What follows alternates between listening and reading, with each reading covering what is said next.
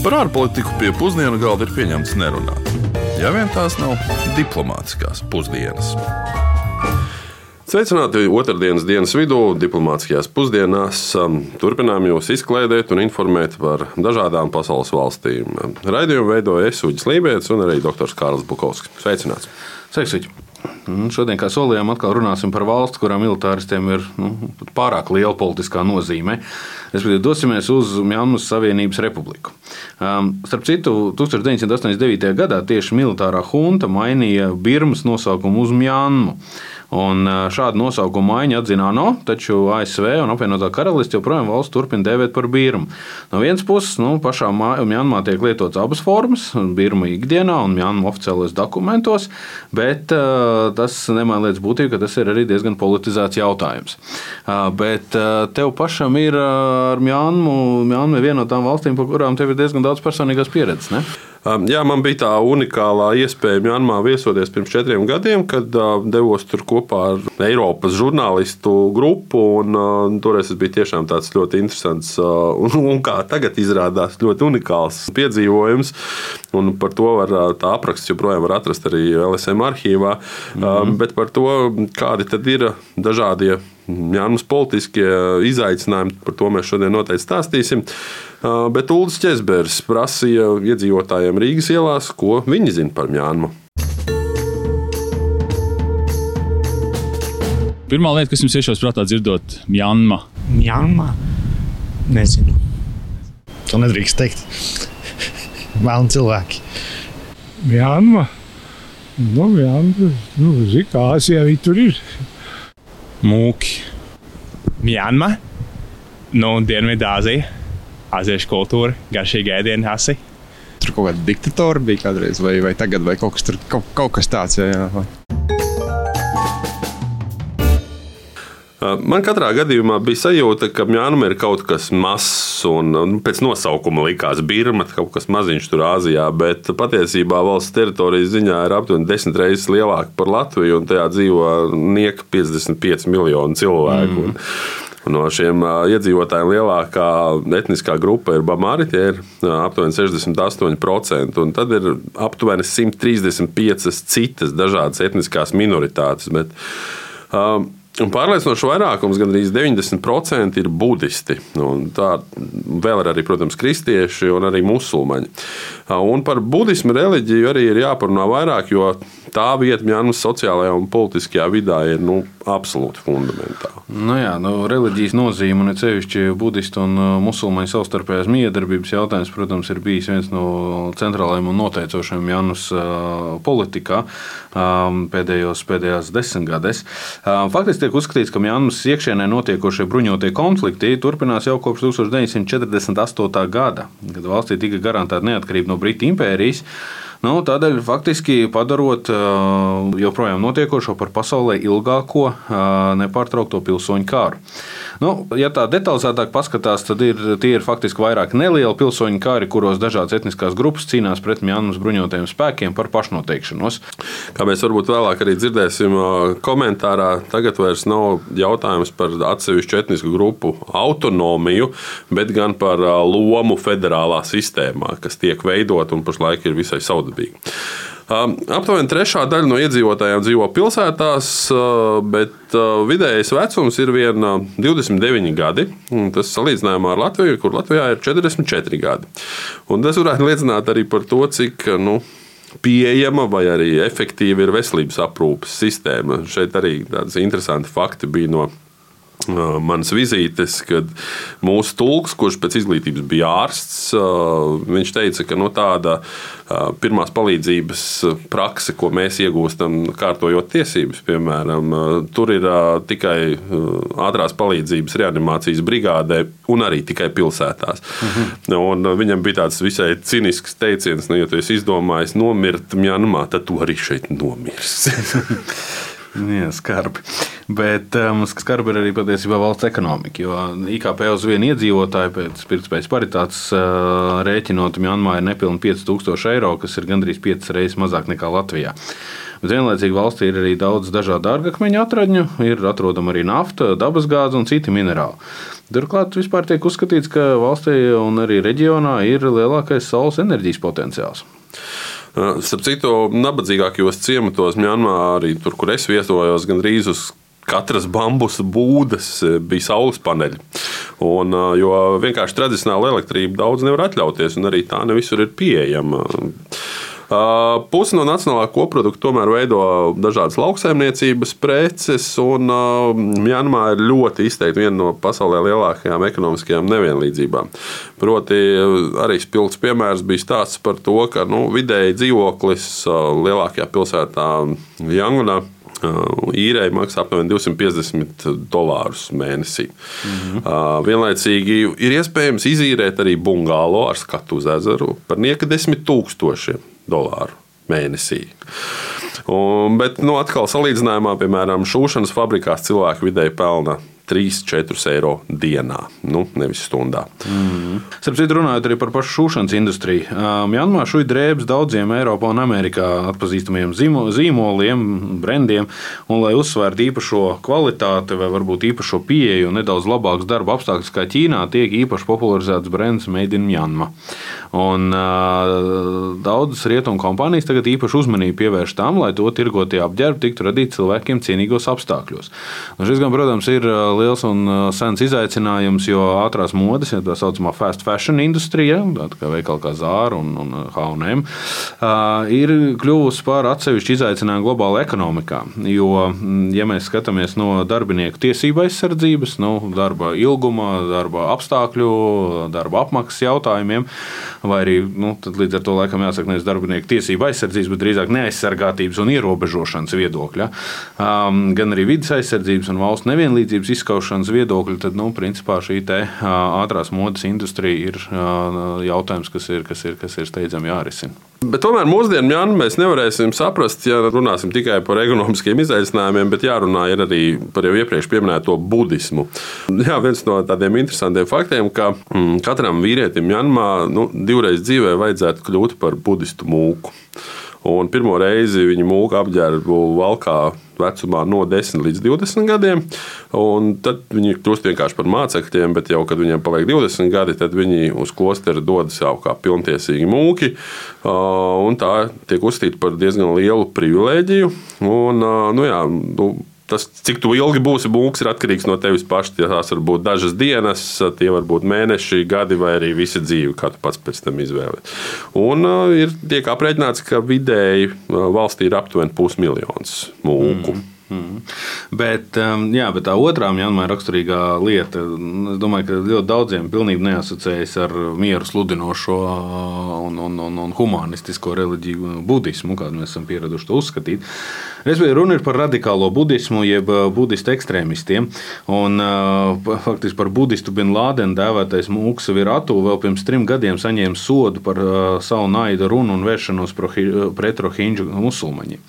Budismu nacionālisms ir īpaši izteikts kļuvis pēdējos desmit gadu laikā. Turklāt arī militārā vāra ir kultivējusi šo Birmas budistu pārākumu, bet rohinģiem parasti tiek atvēlēta nu, grēkāžu loma. Jā, šis uh, ir pasaules mēdījos laikam visplašāk atspoguļotais Mjānus konflikts. Tas ir tas saucamais Rohinģu konflikts. Uh, Rohinģi ir uh, musulmaņi, kuri otrā pasaules kara laikā bija lojāli Britu karaspēkam un toreiz karoja pret Rahainas rajonu budistiem, kuri bija savukārt lojāli Japānai. Un par šo uzticību Rohinģiem tika piesolīta savu musulmaņu valsts, taču pēc 48. gada neatkarības pasludināšanas valdība vienkārši, nu, varētu teikt, tādā tautas valodā ņēma un uzmeta un atteicās mm. viņiem piešķirt pilsonību, devējot viņus vienkārši par nelegāliem migrantiem no Bangladešas. Un, faktiski šāda situācija ir joprojām. Un etniskā, šī etniskā kopiena joprojām tiek pakļauta sistemātiskai diskriminācijai. Un daži eksperti un aktīvisti pat šādu nu, vēršanos pielīdzina aparteidam, ja ne genocīdam. 2017. gadā pēc koordinētiem uzbrukumiem policijas iecirkņiem Bangladešas pierobežām Jānis bruņoties spēki izvērsa pamatīgu kampaņu pret rohinģām, liekot simtiem tūkstošu cilvēku doties bēgļu gaitās. Nu, galvenokārt uz, uz, uz Bangladešu un Taizemi, kur, protams, arī viņas nemaz negaida ar atplastām rokām un integrēt sabiedrībā ir, ir, ir ārkārtīgi apgrūtinoši. Bieži vien, ja mēs runājam par Mjānmu, tad nu, vismaz tādās politiskās aprindās Mjānmā asociējās ar vienu cilvēku. Tā ir Nobela miera prēmijas laureāte Auna Sansučī. Viņa ir arī tā dēvētā nācijas tēva un sana meita. Um, savulaik studējusi Oksfordā, strādājusi apvienoto nāciju organizācijā. Taču, laikam, pasaules slavu viņa vairāk ir iemantojusi kā politieslodzītā. Proti, um, 1988. gadā valstī izcēlās plaši protesti pret uh, totalitāro vienpartijas valdīšanu. Nu, aizsāka studenti, un jau pievienojās mūki, mājsaimnieces, ārsti, vienkārši cilvēki. Un, uh, jā, un šie protesti kārtībā reizi tika vardarbīgi apspiesti un bojā gājuši tūkstošiem cilvēku. Bet militārās huntas sarīkotajās vēlēšanās 1990. gadā Auna Sana Sūčī vadīja Nacionālo demokrātijas līgu un uzvarēja ar diezgan pārliecinošu 81% balsu. Taču rezultāti netika atzīti, un Auna Sana līdz pat 2010 gadam pavadīja mājas arestā. Starp citu, iesaku noskatīties biogrāfisku filmu The Lady. Labi. Un tur ir ļoti detalizēti atspoguļots tieši šis mājas arests. Un, un, ja kādam interesē grāmatas vairāk, tad uh, ir divas grāmatas par viņas dzīvi. Viena saucās The Lady and the Peacock, un otra ir The Lady and the Generals. Uh, un tas ir tieši saistīts par viņas attiecībām ar militāro režīmu Mjanmā. Pēc atbrīvošanas no mājas aresta viņa atkal tika iesaistījās politikā, un 2015. gada vēlēšanās viņas partija parlamentā ieguva jau 86% balsu. Nu, tas ir absolūtais vairākums. Faktiski toreiz nevienam nebija šaubu, ka nu, par prezidentu būtu jākļūst tieši Aung San Suu Kyi. Taču nu, šeit atkal ir tāda vēsturiska nianse un atruna. Viņai ir liekts kļūt par valsts prezidentu, jo viņas vīrs ir brits. Un arī viņas bērni ir briti. Līdz ar to viņa nevar kļūt par prezidenti. Tāpēc tika izveidots īpašs postenis. Jeb, nu, to varētu kā tulkot kā valsts padomnieks, jeb faktiski nu, viņa ir premjerministra. Un bez tā, ka viņa ir premjerministra, viņa arī ir ārlietu ministre, prezidenta biroja ministre. Un pirms četriem gadiem viņa bija arī izglītības, elektrības un enerģētikas ministre. Jautājums ir par to, cik, cik demokrātiski vadoņi viņa faktiski ir. Ja lielākā daļa kontrols un ietekmes tāpatās ir bruņotajiem spēkiem, ja Tatmado un arī, arī, arī politikā. Nu, un savulaik veiktos pētījumos tika konstatēts, ka bruņotajiem spēkiem uzticas 84% mjanmiešu, kas ievērojami apsteidz gan mēdījus, gan valdību, gan opozīcijas sabiedrības uzticības jautājumā. Jā, un šī uzticēšanās ir izskaidrojama arī to, ka sabiedrībā patiesībā ir pat ļoti liels atbalsts arī operācijām pret rohinģiem. Un, Apzinoties, cik ļoti liela nozīme šāds atbalsts spēlē parlamentu vēlēšanās, līdz šim militāristu aktivitātes ir aizstāvējusi, nu, varbūt. Nu jā, varbūt var teikt, ka pat piesegus arī nu, par demokrātisko pārmaiņu aizstāvu un totalitārismu militārās hundas pretinieci uzskatītā un Sansučī. Un, par to viņa jau ir citu, bijusi spiesta sniegt liecības starptautiskajā kara nozieguma tribunālā. Arī šogad pat Eiropas Savienība izslēdz viņu no tā dēvētā Saharova balvas klubiņa. Atgādināsim, ka šo balvu Eiropas parlaments piešķir par vārdu un domas brīvību, un šo balvu viņa saņēma 1990. gadā. Visbeidzot, komentāru par situāciju Mjanmā mēs lūdzām sniegt kanādiešu ekspertei Kelijai Flinai, kura Mjanmā dzīvojusi un strādājusi vairāk nekā desmit gadus, un arī aktīvi ir līdzdarbojusies dažādos uh, miera veidošanas centienos. Many of the ethnic armed Daudzas no etniskajām bruņotajām organizācijām, kas pašlaik ir iesaistījušās miera sarunās ar Aunas Sanasučī civilo valdību un Birmas armiju, vairs nerunā par autonomiju vai par neatkarību. Runa drīzāk ir par pašreizējās varas decentralizāciju. Ir dažādi federālās sistēmas modeļi, par kuriem tiek spriests un kurus varētu piemērot.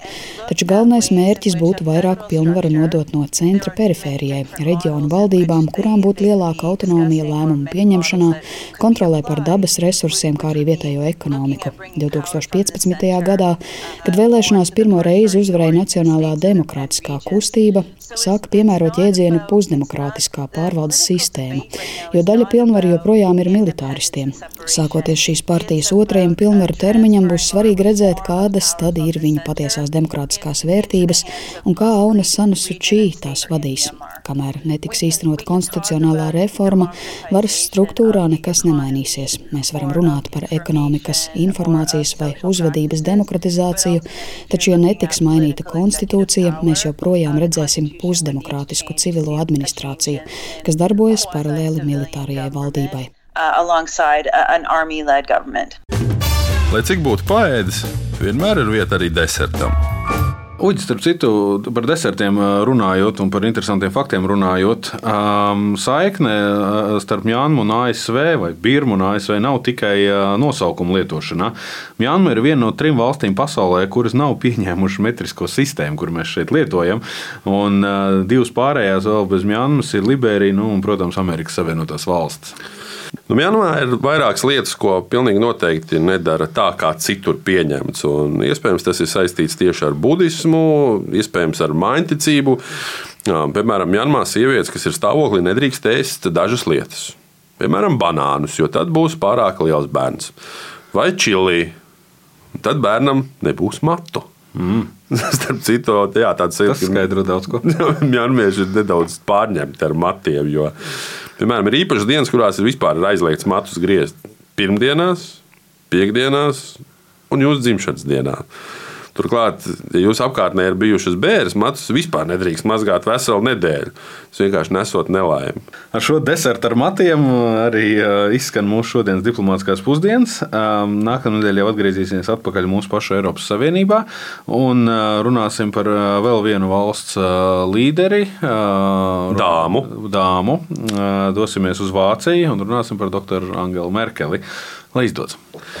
Atgādināšu vēl, ka mūsu raidījumu varat klausīties arī jūsu iecienītākajos podkāstos, kur tas mēdz būt garāks nekā atvēlētās 15 minūtes radio ēterā. Uz atdzirdēšanos jau nākamajā nedēļā. Diplomātiskās pusdienas katru otrdienu pusdienos Latvijas Radio 1.